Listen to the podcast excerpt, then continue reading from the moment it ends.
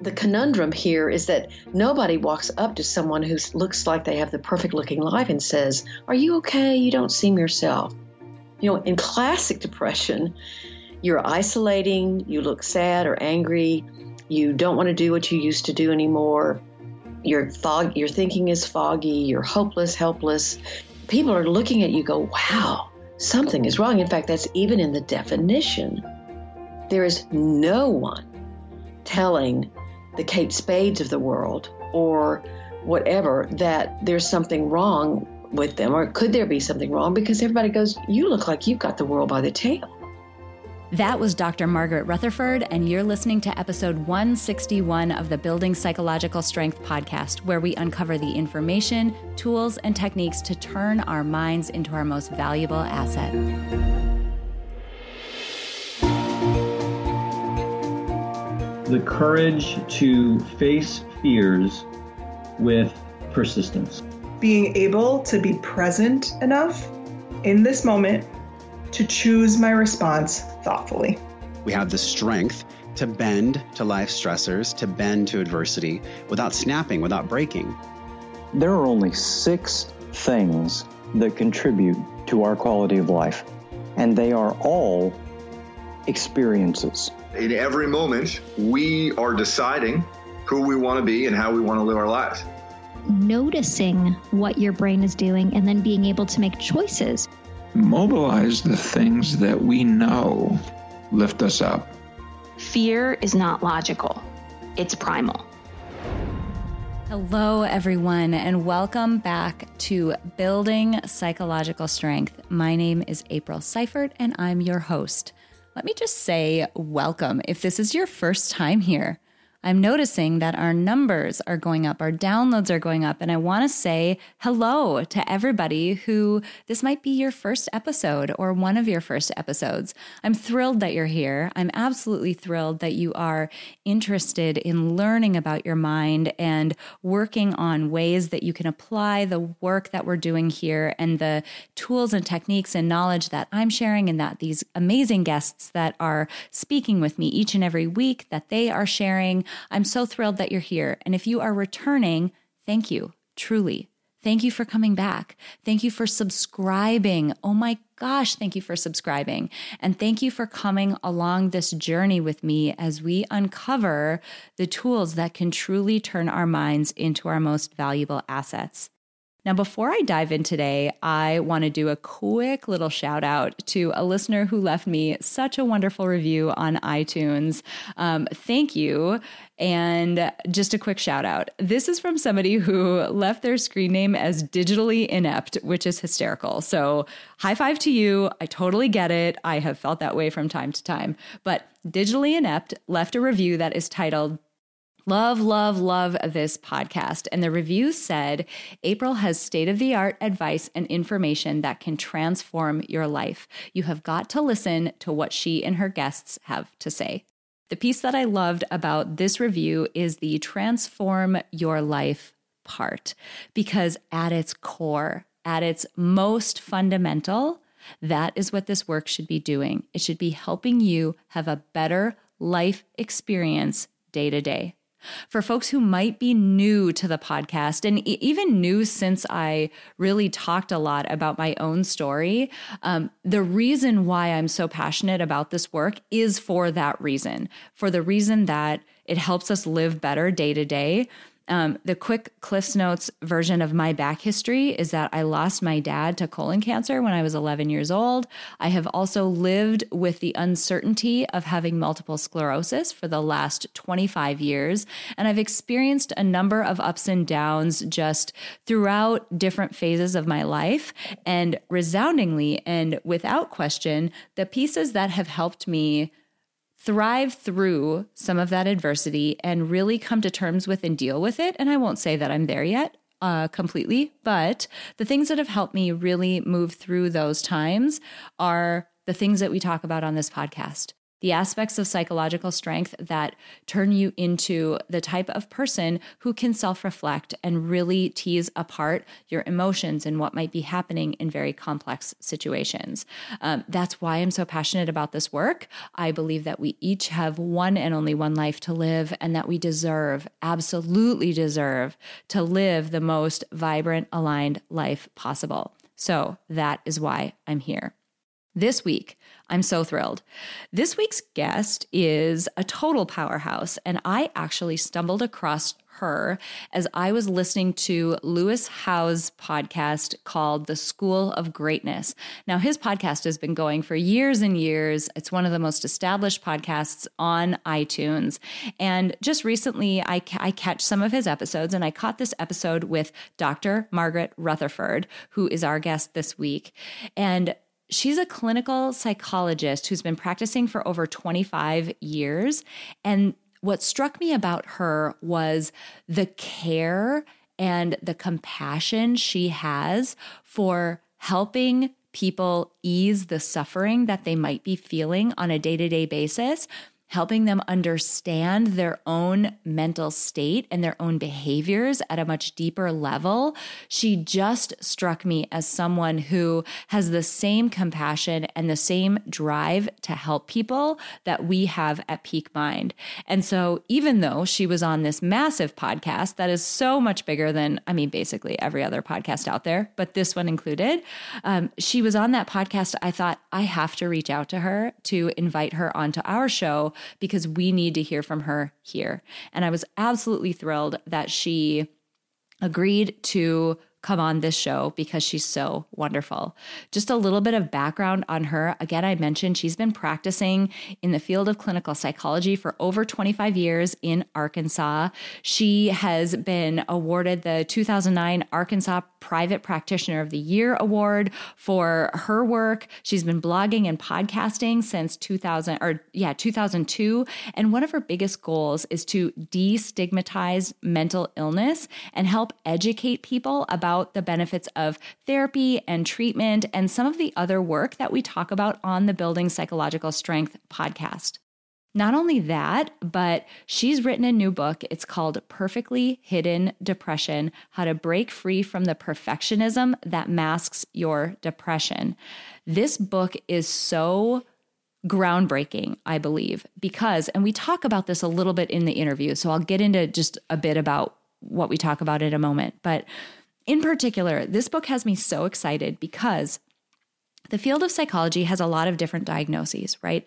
You can go to something called the Diagnostic and Statistical Manual. This is the DSM. This is the diagnostic manual that therapists use to determine whether somebody has depression or anxiety or panic disorder or any other, you know, diagnosis that you might be able to have. But there's more nuance to it than that. And we have a great discussion about this in this week's episode. So many times, the criteria that we use or the inventories that we give people to determine whether they have a particular mental health condition or not, so many times they don't fit that particular person's circumstances. I experienced this myself when I had postpartum anxiety after my first daughter. I could pass with flying colors the inventory they gave me every time I went to the doctor, but I was very, very sick from a mental health standpoint. So I love this book because it's talking about one of those nuanced times, one of those times when from the outset, a person looks like they are killing it. They have it all together. They completely know exactly the right next step and they're, you know, doing so well on the outside.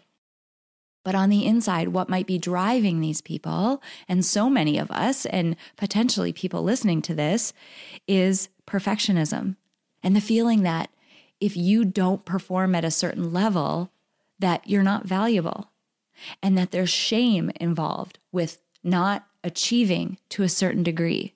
Dr. Rutherford does such a beautiful job of teasing out you know how these things operate and how this manifests and so i really want you to listen for that because this is a way that somebody has talked about depression that i have not heard anybody else talk about. So I'm really excited to have this conversation with her.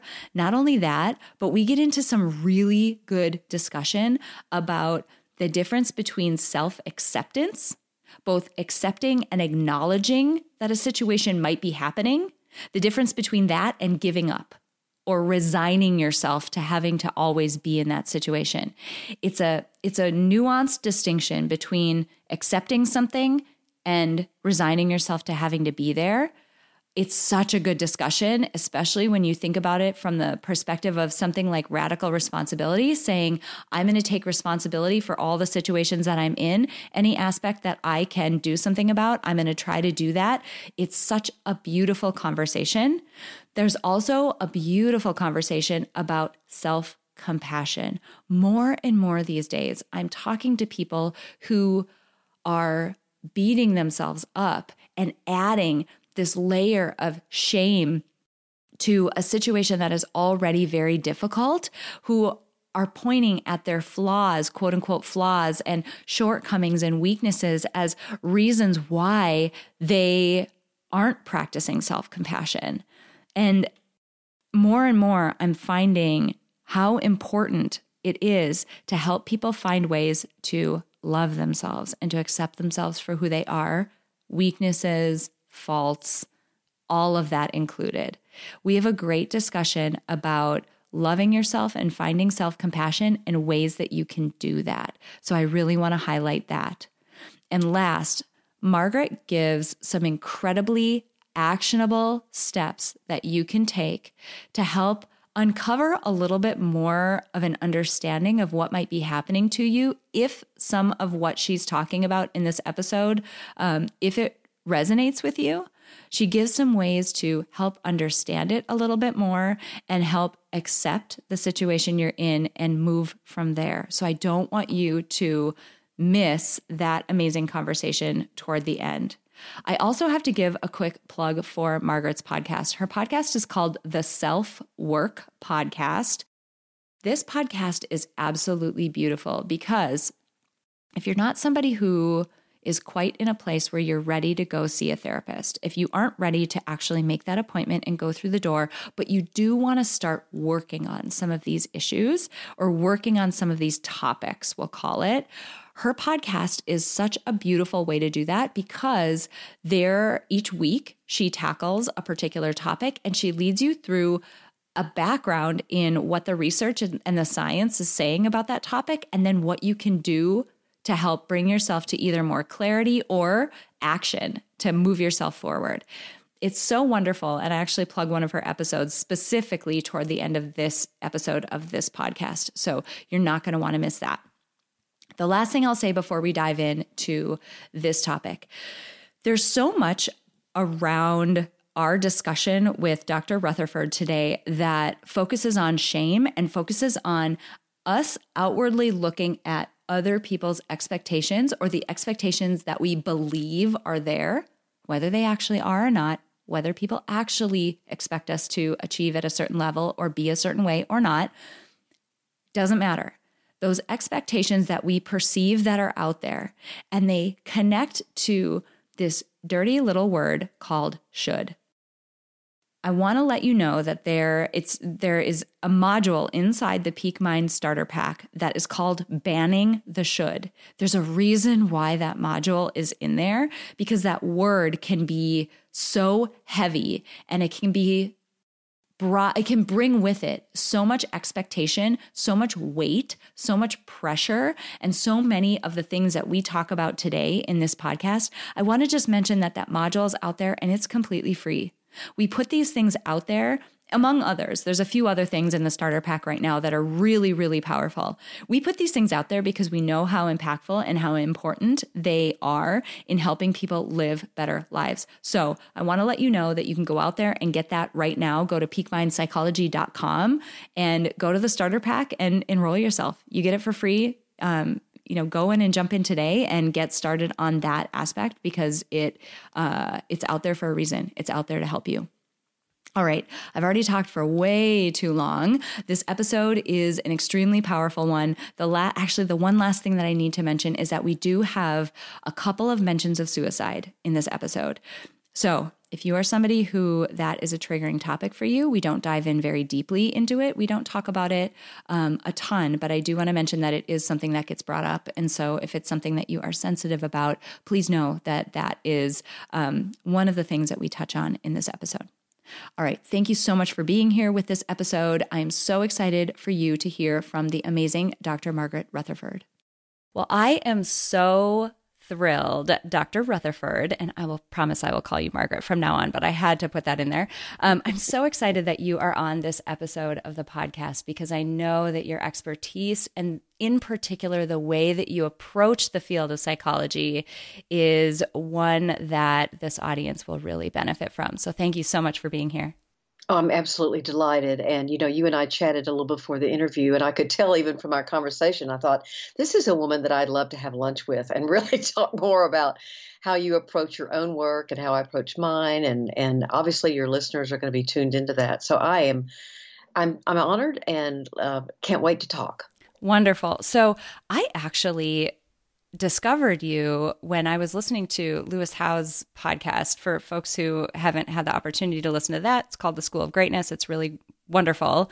Um, and I was so struck. The thing that hit me right out of the gate is the level of compassion that you have for the people who you work with within your practice and also more broadly the people who might be benefiting from your work. So I'm wondering if you can give us just a little background on who you are, the type of work you do, and how you came to develop that deep passion that I could just feel from the moment that you started talking.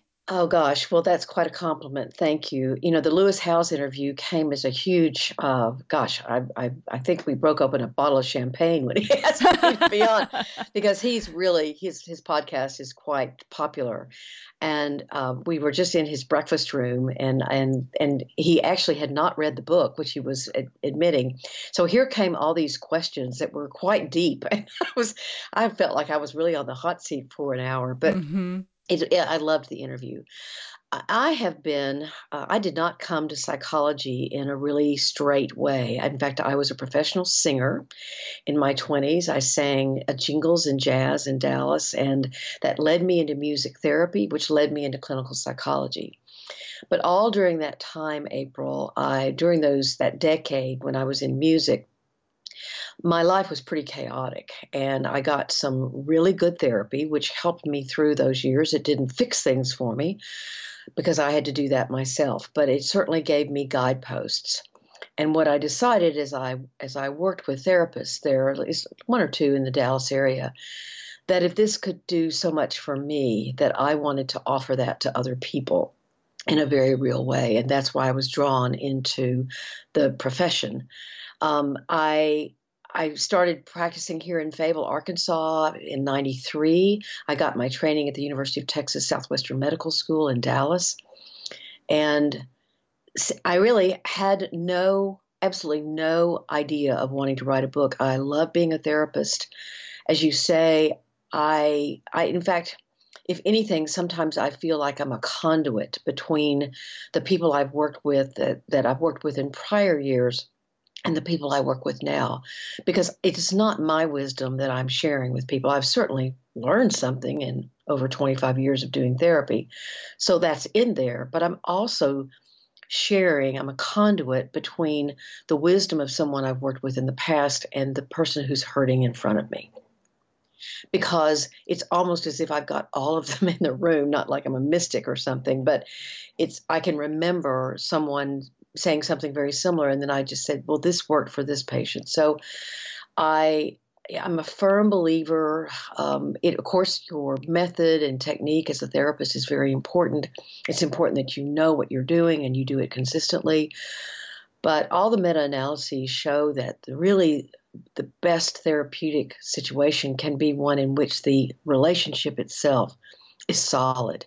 That the patient feels like I understand them, and that I am honoring them and respecting where they are.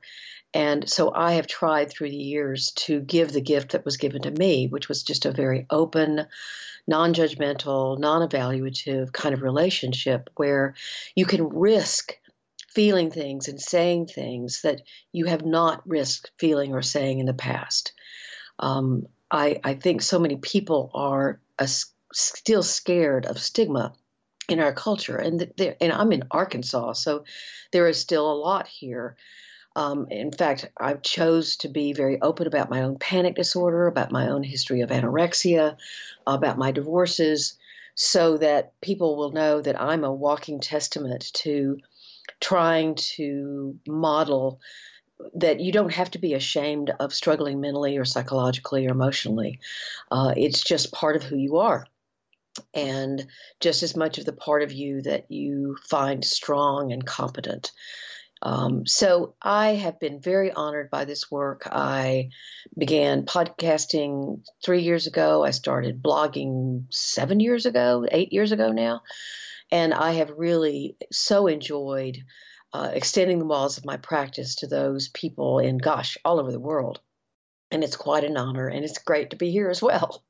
Wonderful. I love that. And I would love to dive in a little bit to um, the piece that you mentioned around stigma and around some of the difficulty we have in talking about topics that relate to mental health and topics that relate to mental illness in times when we aren't doing as well.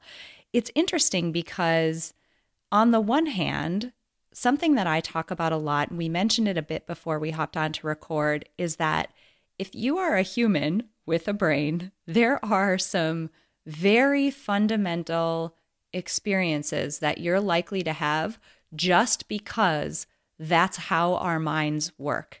And sometimes those experience such experiences that you're having, things like worry and rumination in some cases, and and other uh, experiences, they aren't helpful. Not only are they extremely common, not only do they happen to nearly everyone, or dare I say everyone, but on the flip side of the coin, we're so afraid to admit it and to talk about it. We're afraid to admit when we are feeling anxious. We're afraid to admit when we aren't feeling quite like ourselves. How have you found, uh, how do those two relate? How is it that it is something that is so common to all of us, yet we're all so afraid to say anything about it? which would make the experience so much better. It would feel so much less lonely. Yes.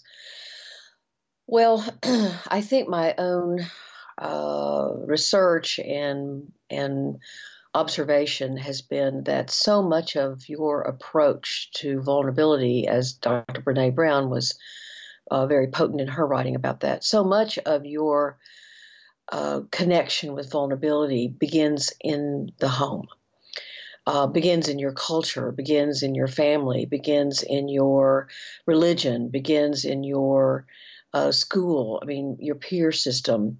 If you are, if you grow up in a family where one, of course, if it's dangerous and non-safe, then you're certainly not going to be able to. Uh, to verbalize, you know, I'm I'm sad, I'm afraid, I'm anxious, I'm fearful, because that is uh, disdained and you learn that that is something to be ashamed of. Um, there are many people still who grow up in families where simply, even just plain old sadness is not allowed, it's not talked about. And so, and of course, there are certain religions, there are certain cultures that also do not support either whether it's a gender uh, revealing vulnerability or even both genders. I mean, it it is it is sad to me that we are still dealing, especially in the United States, with this sense of stoicism uh, that seems like it, you know, it's oh, it's so um, it doesn't fit our times. Now, I will say that I think the that that is beginning to change. I mean, millennials are much more likely to seek therapy uh, than any other generation before them. Maybe they've seen the the consequences of their parents or their grandparents not doing so. And so they seem to be more open to having consultation and to having that kind of relationship where they're more revelatory than other people. But you know, I I'm a I think that as we move forward, that as a culture, um, we need to, we as the adults in the room, need to realize that they are modeling for their children whether they have access to their vulnerability or not. You know, I was very moved. Um, I won't go into the specific. The, hello, I won't go into the specifics of this because it's my son's life. But when he was in college, he made a mistake, and he called me and he wanted which I knew something was up if he called me and didn't text me. Um, he called me and said, I've made this mistake. And my first reaction was as mom. I went, "Oh my gosh, you know, you know, what made you do that?" And then he he said, "Mom, I thought you would understand because I know you've been through this kind of thing yourself because I had mm. shared my vulnerability with him." So I stopped. And I said, "You're right. I know exactly where you are. I have felt exactly the way you feel right now. And let's just let's let's lean into that and see what can happen." And so it was a very tangible example of what I'm talking about. That I guess I did a good enough job of, of talking about my own vulnerability and my own struggles that he was willing and able to come forward and talk to me about his. Mm. If we do not do that, if we don't model it, we could talk about it. Oh, yeah, come to me and share with me whatever problems you have. But if we don't, in an age appropriate way, model for our children what struggles we have, then we are missing this incredible opportunity to create a generation that is proud of their strengths and proud of what they do well and can't wait to get up in the morning because they're being creative or uh, really excited about what's going on in their lives and concurrently can talk about sometimes how hard it is or how complicated it can get or how kind of scary it can get sometimes. That that is normal life. I I often talk about the fact that the blessings we have in our life, be they um, be that that we've got a certain uh, intelligence factor, or be they we are really emotionally uh, tuned in, or that's a strength, or we're funny, or we're we're um, highly organized, or whatever it happens to be, that's a strength that strength often has a counterpart, which is a vulnerability. For example, I think it most often shows up in relationships. I married my husband because he was so emotionally stable, and I was coming out of this very chaotic period in my life. And I thought, oh my gosh, this guy is a bastion of, of you know, stability. And so I married him, and it was great for three or four years until finally one day I looked at him and I said, Do you ever make a decision without thinking about it for three or four months? My husband and I have that same conversation. Yeah, P.S. It, he tells it, me, Don't dig the pool while I'm at work. Can we at least talk about it? Like, let's have a conversation, but keep going. I resonate with that. Yeah. And so every strength has its its concurrent or its um, what would be the word for it? It's underbelly is a word I've used before of of, of vulnerability or of of struggle. Uh, if you have four really great kids that are very active, that's wonderful, and everybody goes, "Gosh, you have this wonderful family," but that's also four sets of homework, four dinners to make, four breakfasts to make, four games to go to, four fights to break up, or probably 12 fights to break up. um, you know, it's a hard job. And so we get so invested, and social media hasn't helped this. We get so invested in presenting ourselves as having it all together that we forget that everybody, everybody has anxieties, and everybody has sadness, and everybody has struggles.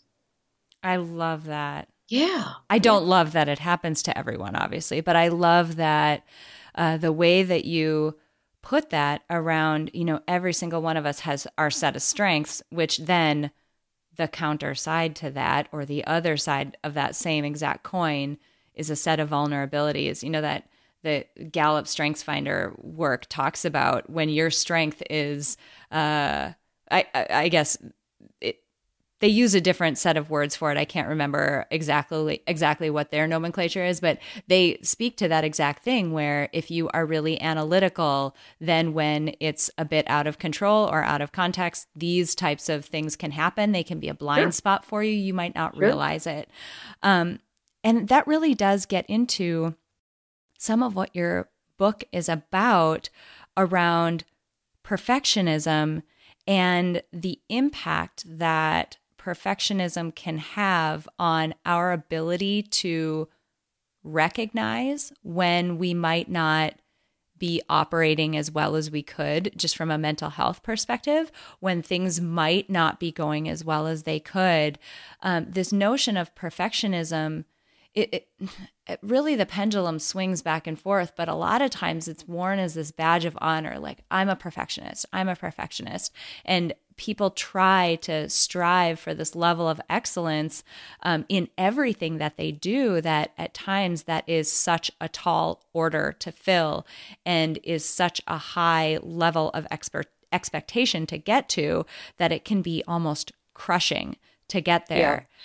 Well, okay, so let's talk a little bit about perfectly hidden depression. Um, yeah. Um, just basically, it is it is when it is not a diagnosis. It is a term I came up with to describe what I call a syndrome. Codependence is a syndrome. And so, in my estimation and the way I think about it, perfectly hidden depression can line out as a syndrome, a set of beliefs and behaviors that are often found together. And I've listed 10 of those in the book, but one of them, and the major one, is this perfectionism. But there's an, another important part, April. This kind of perfectionism, excuse me, this kind of perfectionism is not fueled by a strive. It's not fueled by trying. It's not fueled by a striving for excellence. It is a striving for excellence. There's nothing wrong with that. This kind of perfectionism is fueled by shame. Mm. You, um, by an inner critical, cons- persistent, vicious voice of shame, that if you do not try your absolute best, if you do not achieve perfection, if you do not do better than you did last time, that you should be ashamed of who you are. Wow. There are other things that go along with it. There's like over responsibility, worry and anxiety, worry with a need for control, a complete discounting of any kind of trials or trauma you've ever had. And to kind of go along with that, an almost inability to express, not to define or identify, but to express painful emotions. I've worked with people who've told me, who identify with this, who will tell me something that absolutely traumatic and tragic has happened to their lives. But if I turn the sound down and just watch them talk, they could be telling me about something they had at a restaurant for dinner last night. The weather.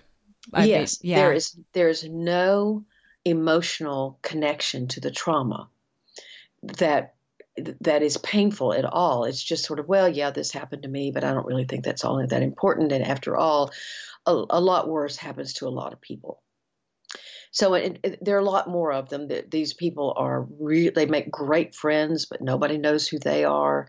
They really believe in counting their blessings. Um, they usually have, are wonderfully successful at work, but they really struggle with emotional intimacy, and often their relationships are troubled by their need for control and their need for hiding. What's underneath all this is that that perfectionistic, that need to have the perfect looking life was a childhood strategy that they developed unconsciously, most of them, in order to deal with whatever life had handed them to deal with as children, mm. be that mm. neglect, be that abuse, be that being dragged into uh, taking care of your kids and become not really having a childhood, be that as we were talking about a few minutes ago, growing up in a family where painful feelings aren't allowed to be expressed, growing up male in many parts of our culture, um, actually even. It can be a result of growing up with a parent who practically worshiped you and, and loved that you were so accomplished. You were the star of your family. And so you learned that a way to get love is to be ever achieving. Mm. And actually, the um, I won't go into too much of it, but there is uh, there are three types of perfectionism that researchers study, and the most dangerous one. It's not expecting perfection out of yourself or ex- even expecting perfection from others. It's one called socially prescribed perfectionism. And what that means is that you constantly perceive, and often it is real, you perceive this pressure from other people that never stops. That you must always, that the, that the better you do, the better you're expected to do. And that kind of pressure can just govern your very thinking to where you are and, so you cannot let on that anything is hard for you. You can't let on that you're worried, or you can't let on that anything is troubling. And you grow more and more lonely and more and more despairing. I asked for people to email me if they were interested in being interviewed. Now, these are people who are hiding, remember. so, uh, or very rigidly compartmentalizing these painful, suppressed memories and emotions. But I had probably 70, 75 people reach out over about a year and a half period of time. I, I filtered out some of them because I didn't think they were appropriate. Uh, they didn't really fit the rubric. So I did around 60 interviews, 55 interviews. And what people told me, I said, well, but why are you reaching out to me? And April, in this most despairing of voices, both men and women said, I don't want anyone to live their life feeling like I have felt all of mine. Wow. I am lonely. And they said, the only thing that has stopped me from dying by suicide, in fact, I've come close to it. I don't know how many times, or it's maybe my children, or this or that, whatever. But they, they, and actually, as you and I were talking before the interview, what my, not my hope is, but what I hope comes from the work is the awareness that this kind of perfect looking life masking hidden trauma, um, overly compartmentalized, uh, painful emotions, and rigidity of pos- positivism means that, you know, that's one of the reasons why our suicide rate is going up. That if we can address this, if we can help those of us who are trying to look perfect to realize that that is a problem. You know, the conundrum here is that nobody walks up to someone who looks like they have the perfect looking life and says, Are you okay? You don't seem yourself. You know, in classic depression, you're isolating, you look sad or angry, you don't want to do what you used to do anymore. Your fog, your thinking is foggy, you're hopeless, helpless, you're melt. I mean, you you pull. I mean, people are looking at you go, wow, something is wrong. In fact, that's even in the definition that that change in your behavior and your mood is either noticed by you or other people. There is no one telling the Kate Spades of the world or whatever that there's something wrong with them or could there be something wrong because everybody goes you look like you've got the world by the tail mm. And that can be such a lonely place. If you're exactly. the one person who everyone thinks has it together, you're not the person they're going to go. Or even, I mean, you you think about the the connection, the meaningful connection that comes from being open about your own uh, struggle and having that reciprocated by someone else. And if you aren't the person because of that facade that you're working so hard to keep up, if you're not the person that others will come to because they don't believe that you can relate, right?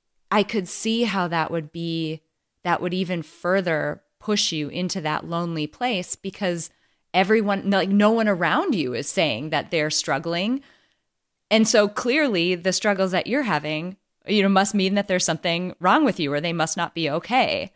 I've even had people, in fact, this wonderful, enthusiastic, incredibly loving and giving woman came into my practice as I was writing the book.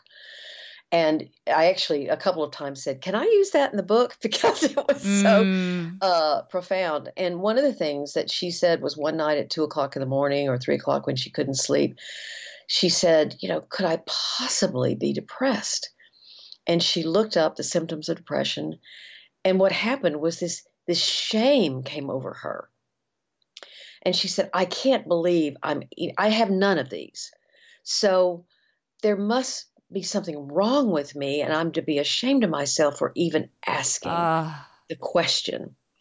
And the only thing that brought her into my practice was one, she had read something I'd written about perfectly hidden depression. But the second thing was that she had been through years and years and years of infertility treatment and had multiple miscarriages. And they finally um, adopted a child. And she was having trouble being joyful about the child. She would that all that grief that she had experienced over many years period of time but had never accessed was suddenly coming to the fore and she didn't understand it. Mm. so you know it was sort of like bubbling up. And after we talked it made sense to her that of course the fact that now her dream had come true and she had a child of her own she was finally thinking I could have done this this you know I could have um, I could have bathed those other children. I could have put sung those other children to bed. I could have all these things I'm doing for this child I love so much. I could have done for other children, and uh. her was waiting for her. So the things that these people have suppressed are really intense, uh, be it in the present or be it or but you know be in their childhood or some other time in their young adulthood um, but somewhere they learned it's not safe, it's not appropriate, it is it is shameful if you if you talk about yourself with some kind of compassion. Um, you know, I, I talk a lot about that in the book that self acceptance is the antidote to perfectly hidden depression.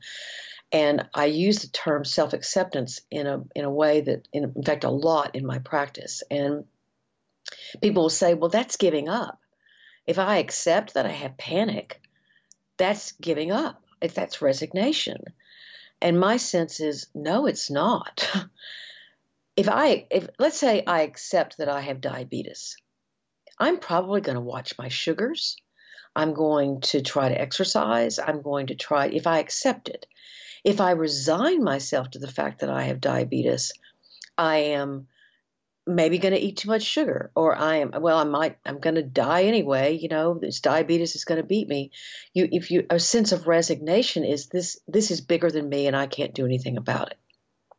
Acceptance is yes it exists i accept it exists and now what? It's an acknowledgement. It's an acknowledgement right. Uh, and so and, many things i just even acknowledging that they're happening Exactly. So much can happen from that tiny step. You know, I have panic disorder, and I remember I had it for three or four years before I finally sought treatment. And I got some bad treatment; it wasn't good at all. And but then I finally found somebody that knew what they were doing. And I remember sitting down in his office, and I said, "Well, I have these panic attacks, and I want to get rid of them. I hate them." He said, "Well, I'm not going to help you do that." I said, "What do you mean?" I want them gone. And he looked at me and he said, "Margaret." Your panic is just as much a part of you as the part of you you don't mind seeing, you know, in the newspaper. Mm. It is a it is it is sending you a message. It is something for you to try to understand and guess what? Accept and then work with it and manage it. Mm-hmm. And I looked at him and I said, Well, I'm sort of halfway on board with that. I still kind of want to get rid of them. But that was really my first step in understanding that whatever had emerged in me, however unwelcome, my anxiety was something that I had to integrate into my understanding of myself.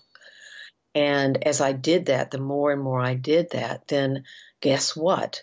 My management of my anxiety became a lot better um, through all different kinds of techniques. But just the acceptance of, gosh, okay, I have panic disorder. Um, uh, so I'm a huge advocate for people looking at it's, it's like you know you look at your best friend and you say you know i love her so much i don't know what i'd do without her but you know she's late all the time she's just chronically late and that kind of pisses me off but you know she's just chronically late but you still love her. You still accept her. It's she has this vulnerability, you know. Well, why would you do that for her? Or maybe she has an even more serious problem. Maybe, you know, maybe she struggles with depression, or maybe she, um, maybe she has a jealous streak, or maybe she's had an affair. Whatever it is, but you still love her, and so it's about giving that gift to yourself. It's about saying, I need to, you know, I do not, I may not go along with her that this is a great idea to do, but I still value her and love her. And but that's often a gift we struggle to give to ourselves because we think our uh, now, of course, there are people who are more self-centered or narcissistic and they think everything is everybody else's fault. But um, there are a lot of us uh, walking around thinking you know i can't make any mistakes or i certainly can't make any mistakes that show.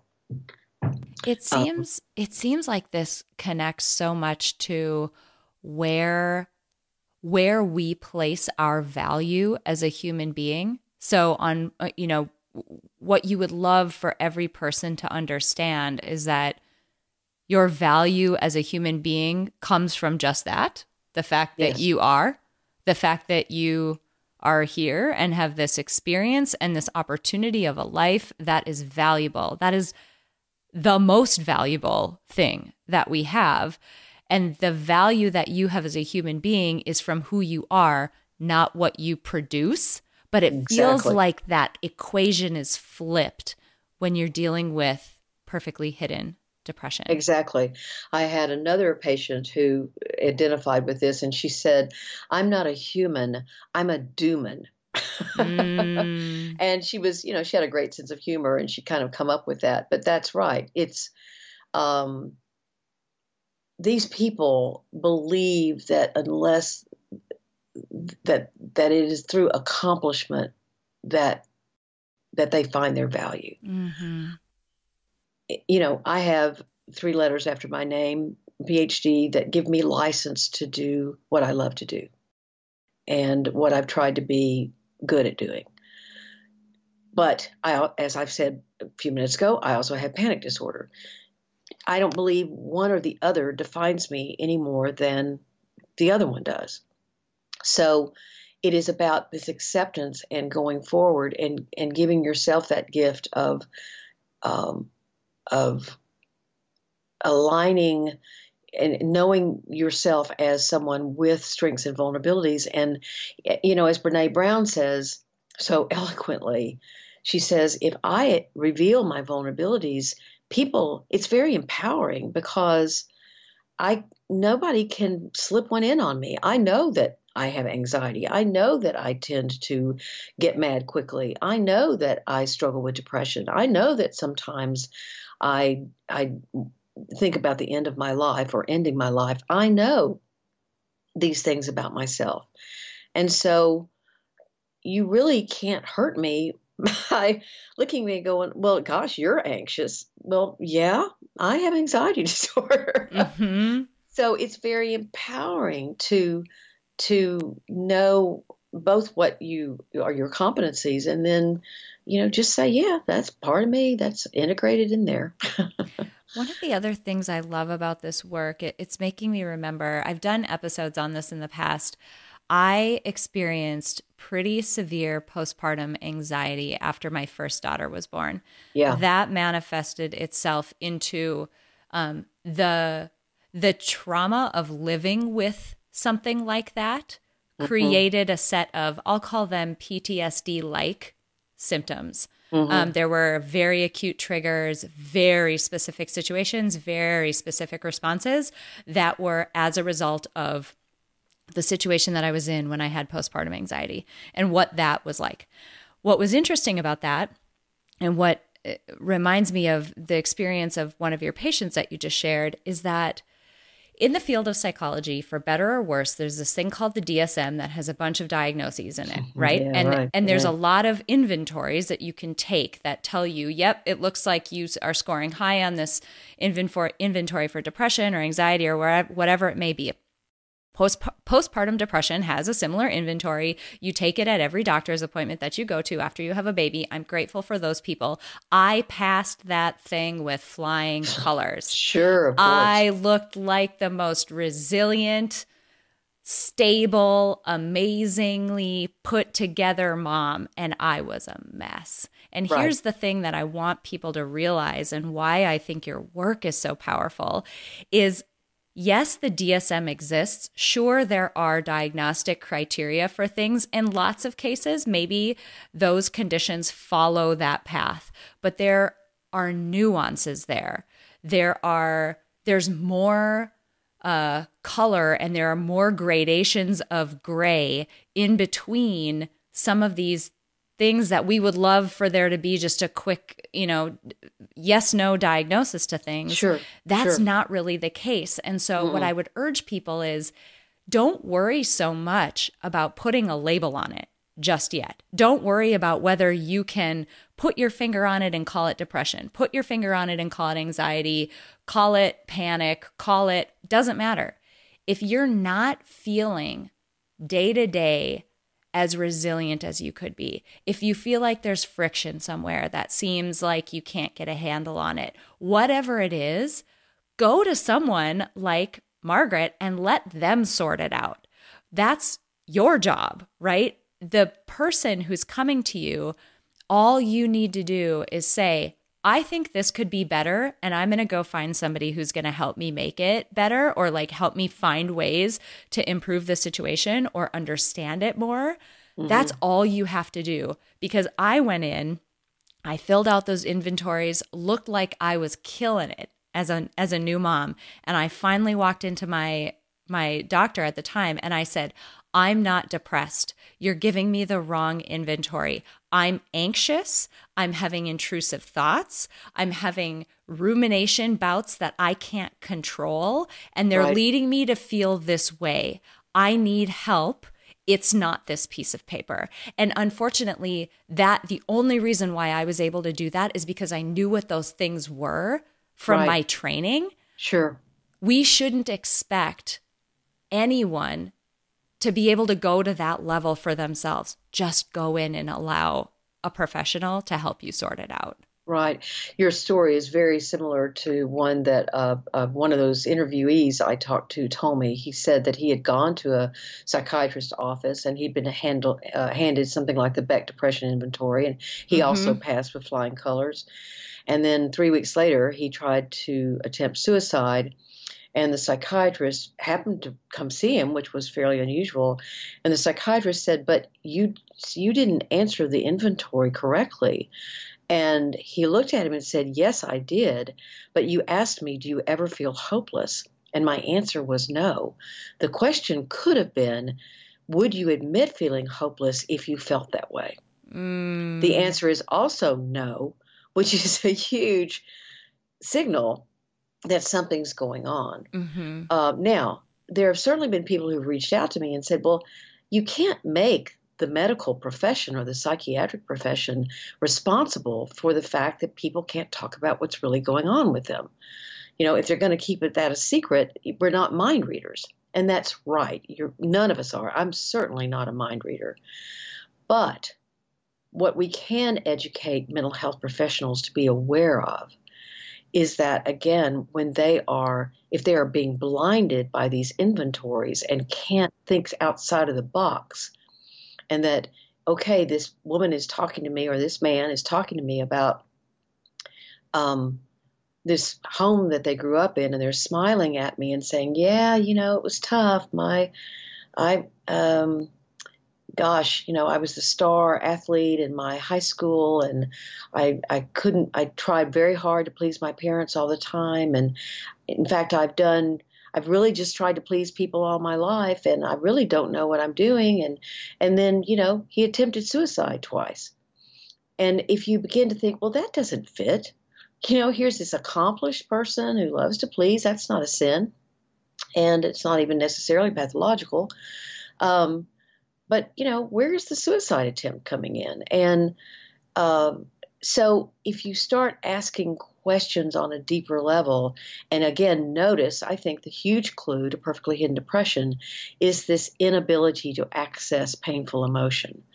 Uh, there's a real struggle. And so if you if you notice that um, as a clinician or as a friend or as a spouse or as a mother or father, then that is a clue to you that something's going on. And they've just gotten ex- expert at suppressing or rigidly compartmentalizing those feelings. Now, let me make let me make a distinction. There is a thing out there in the literature called high functioning depression or smiling depression. And as I understand that, they th- those p- folks are probably going to resonate with the term perfectly hidden depression because they are people they are aware they're depressed. In fact, they may have even been to a clinician or a medical doctor about their depression. But they are they have the ability, they have the resilience to put a smile on their face and go to work and not t- talk about it. And, you know, it's not that the people who can't do that are weak or fragile or feel sorry for themselves. It's just we all have different ways of handling things. And I think those people are a group that might again identify with perfectly hidden depression but it is not there there are plenty of people who are not even aware that's what they're doing. In fact, those people are the people that wrote me and said, It wasn't until I saw the words perfectly hidden depression that I thought, You mean really? I could be depressed. I could. There is something that matches perfectionism with depression, and and it just kind of their gut goes, just kind of clenches and thinks, This is something I need to look into this. And those people are the ones who this has become this hiding, this repression, this uh, suppression of pain has gone on for so long that they're not even conscious they're doing it anymore. I mean, it's just like driving their car to work. I, I drove today. I'm sure you did. If you're if you're at work, and you didn't pay attention necessarily to how you what you were doing in the car. You just drove to work. And so paid some attention, but not to every detail. Well, that's what happens with people when they have gotten into the habit, as children most likely, of following through with this I've got to hide, I've got to suppress, I've got to escape, I've got to be perfect, I've got to accomplish. Pressure, pressure, pressure, pressure. Mm-hmm. Yeah. And that's where I, you know, I think about the response you got from some folks in the therapeutic community saying it shouldn't be up to us if they're you know if they're not telling us the full you know truth or they're hiding or whatever there's a difference between intentionally not divulging the whole story and not even realizing it yourself. Exactly. Um, the I, I gave a TEDx talk recently and that was the subject of my talk was the way in which our mind is incredibly adaptive. It is incredibly good at developing sets of habits that allow us to get through the day without having to think really hard about every single little thing. It gets exactly. really good at picking up patterns. It gets really good at letting us run on autopilot. There's right. estimates anywhere between, you know, 50 and 70% of our behavior in a day is just sort of involuntary. We that's just do it cuz yeah, that's just how we've always done it. And if you're developing those habits in order to get by, um, man, that can be so easy. I tell a story in the book that I'll share that that you know it's an it's a I don't know if it's a wives' tale or it actually happened. I I I, I heard it growing up that this woman was fixing a ham and she was going to put it in the oven and she cut off about oh i don't know about a sixth of it an eighth of it at the end and then put it in the pan. And her husband said well why are you cutting off that amount of the ham? She goes i don't know. My mom always did it.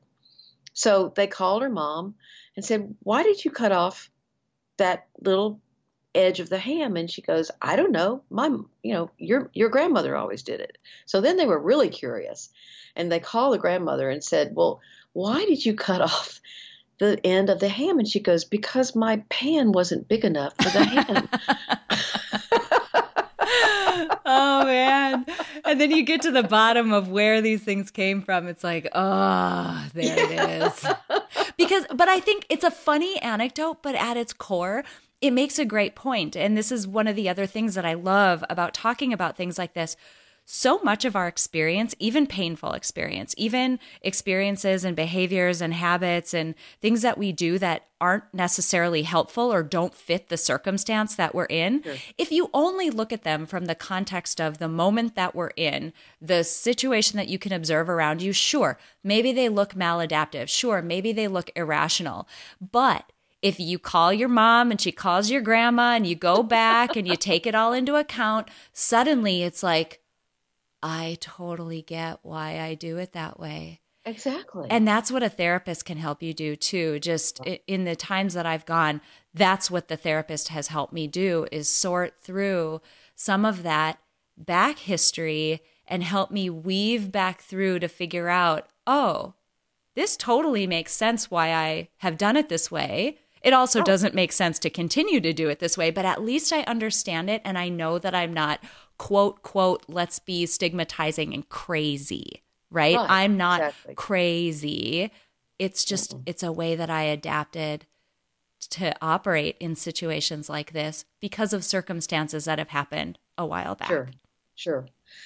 That's right. I mean, I I think of myself as sort of this. this I see patterns a lot, mm-hmm. and um, and so I share those patterns. It's kind of like if you were looking up at the stars. I remember in the eighth grade, that's really the only thing I remember from eighth grade science was some of the constellations in the, in this in our solar system. And you know, you can look up there and you just see stars, and then all of a sudden you say, "Oh, that's Andromeda," or "Oh, that's you know the big uh, what's it called the Big Dipper." Um, you know, and all of a sudden it becomes clear that that's the Big Dipper and yet you were still looking at it and you didn't see that constellation as of yet. So that's what, you know, therapists do. We sort of go, "Oh, well, do you realize that you did this when you were 10 and now you're doing it again because of X, Y, or Z, and now you're still doing it at the age of 30." And I wonder if those two things could be connected. And what is triggering this same kind of response? And maybe they've done it many times in their lives, not just at 10 and 30, but it's a fairly recurring pattern. So um, I, I, think, you know, I, I, love that you're a social cognitive uh, psychologist because I can, I'm sure I could learn a lot from you. Um, but that's certainly, I mean, I, I think that's a huge thing that therapists do. Mm-hmm. I'm curious, uh, as we wrap up today, if there are people who are listening to this and they're thinking, I wonder if this applies to me. I wonder yeah. if maybe I am depressed or maybe there is something more to the feelings that I'm having that you know maybe things could be better. What are some actionable things that people can do to either get to the point where they have a little more clarity, maybe get to some acceptance of it? What are some things that people can do to start to explore this area as a mm-hmm. result of, you know, this conversation and what they might be realizing? Sure, sure. You know, um, New Harbinger was my publishing company, and when they were looking at my book proposal, they said, Well, this is all well and good. You're writing this book to describe this syndrome but we're not going to buy it unless you tell us and you tell your your readers what you can do about it. I mean, you know, what are the strategies to heal? And, and they looked at me, April. They said, "And you have two weeks to give us that." And I was like, two weeks? No pressure. Oh my gosh, two weeks." Um, but I bit the bullet and I really just sat down and said, "What do I do with everybody that I do? I mean, that I see." what kind of pattern do I, or what that's not, what rubric or what, what are the steps that I use with almost everybody that I see as far as trying to help them make the changes they want to make? The first two we've already talked about. The first one was um, uh, just sort of this sense of compassion and consciousness, being aware of that a problem is a problem and once you do you have a consciousness of that then you do have to kind of get through uh, how you battle with your commitment issues because sometimes you know even positive change is stressful So, and there are lots of things with perfectionism that can act as hurdles, but I don't want to get stuck there. I want to go on to more specific how to answer your question. I think the three last stages are really important here. The the third the third stage and is that you really want to identify these rules, like the ham. It's a you know funny example, but what are the rules you're living by? And which and do they still pertain rationally and do they work in your life? Uh, maybe that rule is i can never show my anger or i should do this or i must do that. Then are those shoulds and must and ought to's do they really have a place? Maybe some of them do but maybe some of them are actually self-sabotaging or self-destructive so first you want to identify and then replace rules that aren't working the the second thing, or my fourth stage, is again, we're talking about through compassion that you want to go back and and acknowledge. We've used that word uh, in this hour too. Acknowledge what would have been a normal response for any child to have. Not just what was your response, but to re- recognize the normalcy of that response and to uh, to have compassion for that and to then gently connect with those emotions. Now, people will tell me I don't know how to connect with my emotions, and you know, my book, my, read my book. uh, because that is kind of that can be kind of tough sometimes when you don't know how to connect with pain. It can be very frightening, um, and this part of it may take a relationship with a therapist, because especially if you're your emotions um, are connected with trauma, um, then that can be very, very difficult work. And finding a therapist to help you do that can be very important. You can do some of it on your own, but I highly recommend that you seek some treatment if it gets too tough. But then the my fifth stage and your third step would be you want to put your um, you want to put what you've learned into action. I'm a firm believer, April, that insight is a wonderful thing. Insight helps give us context. Insight helps put uh, pieces together. We again we see those constellations. We see the pattern, um, and insight is invaluable. But you don't get hope from insight. Where where you get your hope is from behavior change. So you want to start putting what you're learning into action. For example, you know, the next time the lady fixes the ham, or woman, or man, or whomever fixes the ham, they won't cut off the end anymore. If you learn, I can never be angry, and then you go back and you have compassion for when you learned that and how angry you were as a child, and you stuffed it and you suppressed it, and then you have connected with that anger safely, then how do you want to put that into action into your own life? Maybe you want to say, you know, I've been thinking anger was a bad thing, but I need to learn how to be more assertive. And then you work on assertiveness and you actually practice assertiveness. You know, first in small ways and baby steps, and then you keep on practicing assertiveness. Maybe perfectly hidden depressed people don't know how to play. They everything is work to them so or almost everything. So one of the things they have to learn how to do is to learn how to be spontaneous and to play and to think about their own needs and their own expectations and and take time off and relax and enjoy uh, their time so that is putting what you understand now through insight into action i love that that's such a great framework. And it sounds like there's even more detail behind it in the book. So I would urge, if that resonates with you, to definitely grab a copy of that book to get that full um, rubric. I'm curious with all of this and with all of your expertise, particularly in this area, what does psychological strength mean to you? Well, I my answer to that, at least today, it could vary from day to day. no problem, no pressure. uh, would be I think you get psychological strength from the idea that that you're not trying to reach a destination. There is no place where we're all where we could all say, "I am psychologically strong." I and and thank goodness I've gotten here. I think what we can do is to realize it's a journey, not mm. a destination. And on that journey, there will be times when you feel incredibly psychologically strong. And then there may be another day that you do not. But that does not discount or somehow ruin or sabotage that yesterday you did feel psychologically strong.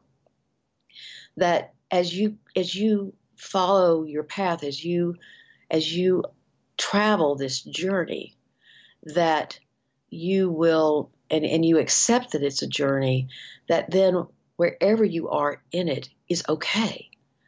Um, and that is psychological strength. That to recognize that maybe I'm sad. I, January was a very difficult month for me. I don't know what happened, but my I, I lost my immune system, mm. and I was sick a lot in January. And I'm not sick a lot in in my usual life. Well, I was not very psychologically strong last month. You know, I kept battling virus after bacteria, bacterial infection after whatever, and it was just I felt horrible and I was not particularly strong.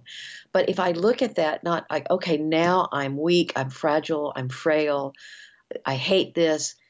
No, then that's thinking of it, my strength as a destination. If it's a journey, I'm going, I'm going through a hard time mm. where my strength is not as accessible to me, but that does not make me not strong. And it, it doesn't destroy other times when I have felt more strong. I'm just not feeling very strong right now. And so it's a journey. I love that. It speaks so much to the first word of this podcast building, right? Right. It's not, yeah, it isn't a destination. It's not a built. Right. It's built. right. Good point. Um, could you tell us where people can find more information about you, about the book, learn a little bit more and more deeply about these topics? Because I know sure. this is going to resonate with folks in this audience. Well, the book, I don't think we've ever said the book's name. The book's name is Perfectly Hidden Depression How to Break Free from the Perfectionism That Masks Your Depression. Mm. Uh, your silent depression is basically a silent depression. And uh, you can find that at Amazon, at Barnes and Noble. Um, it may not be on the bookshelves of your local bookstore, but if you go in because you want to support them, then just ask them to order it. It should not take all that long for it to arrive. Or you can go straight to New Harbinger Publications and you can order it there. Um, as far as now, I want to tell your listeners it is a workbook. So I have 62 reflections slash exercises in there. So this is not a book necessarily you're going to pick up and read through and then, okay, now I understand. That whole talk about a journey, the whole journey is to work these exercises. Now, I have had some people tell me that they read the book first to kind of get an overall view, and then they go back and start doing the workbook exercises. Um, that's a great way to use the book, I think. So, actually a lot of the exercises are amenable to any kind of situation you might find yourself in. They're just couched in uh, trying to help the perfectionistic person uh, through healing, to healing. I love it. Um, the my website is drmargaretrutherford.com. Um, I also have a podcast that I absolutely love doing. It's called the Self Work Podcast with Dr. Margaret Rutherford. That's S E L F W O R K and um, it's on everywhere. It's on iHeartRadio, Spotify, uh, Apple Podcast, Stitcher, Podbean. It's, it's everywhere. It's, to my knowledge, it's everywhere you can listen to a podcast. And I don't just talk about perfectly hidden depression there. I do. I have 164 episodes, so I've talked a lot, and um, so it is a. Uh, I, I love doing it. I think I try to give good information. I try to not just talk about what I believe, but bring in the research from other people and and I've gotten some great response from that. I love it. I, I listened to an episode of yours very recently around uh, this cultivation of self compassion. And I won't give it away, but I'll just tease it a little bit. That there was an amazing exercise with if you struggle with being compassionate with yourself, if you struggle with truly accepting some of those harder aspects of yourself, that uh, the exercise that you led people through around connecting to yourself when you were a child is extremely Mm-hmm. powerful. So I'll leave it at that to just tease that and let people know that this is an amazing resource uh, because it truly is. The the topics that you've covered are very important and I guarantee are ones that a lot of people struggle with. You know I, I as a therapist i'm very direct. I'm very um, kind of no holds barred except obviously in a gentle way. I hope i'm compassionate. But my my little phrase that i use frequently in the podcast is what can you do about it? What you can do about it? What what do you have control over? And what can you do about what's going on with you? And sometimes there's not very much we can do. But if you look at what you can do instead of what is impossible for you to do i think that really is helpful on this journey I love it. Thank you so much for agreeing to be here today. This has been wonderful. I'm so excited about the work that you're doing, the passion behind it, the heart that you're putting into it to help people live their lives better and tackle some of these nuances within the field that um, maybe don't fit perfectly into a box in the DSM, but are still ex- the experience that so many people are having day to day. And I love that you're tackling them. So thank you so much for being here today. It's been wonderful. April, I'm very honored. And um, if any of your listeners want to contact me personally, my email is askdrmargaret at drmargaretrutherford.com, and that is that email is confidential. Thank you so much for for giving that. That's a huge resource. Thank Of you course. so much. It's a simple fact that nearly everyone in the world could benefit from building psychological strength. But not everyone will put in the time and effort to do so. But today you did. Thank you so much for listening to this episode of Building Psychological Strength. Now, if you're interested in building the mental toughness, confidence, and resilience you need to thrive through life's ups and downs, visit us at www.peakmindpsychology.com. Also, if there's someone in your life who could benefit from this episode, please share it with them. And if you yourself found this episode valuable, meaning if you took away even one insight that you can use to build psychological strength in your own life, we would so appreciate it if you would drop us a rating and a review on iTunes. The thing is, the more ratings and reviews we have, the easier it is to get this powerful and important content out to the people who need to hear it. Remember, your mind can be your most valuable asset or your biggest liability, and you get to choose. So choose wisely, my friend. And I'll see you next time on Building Psychological Strength.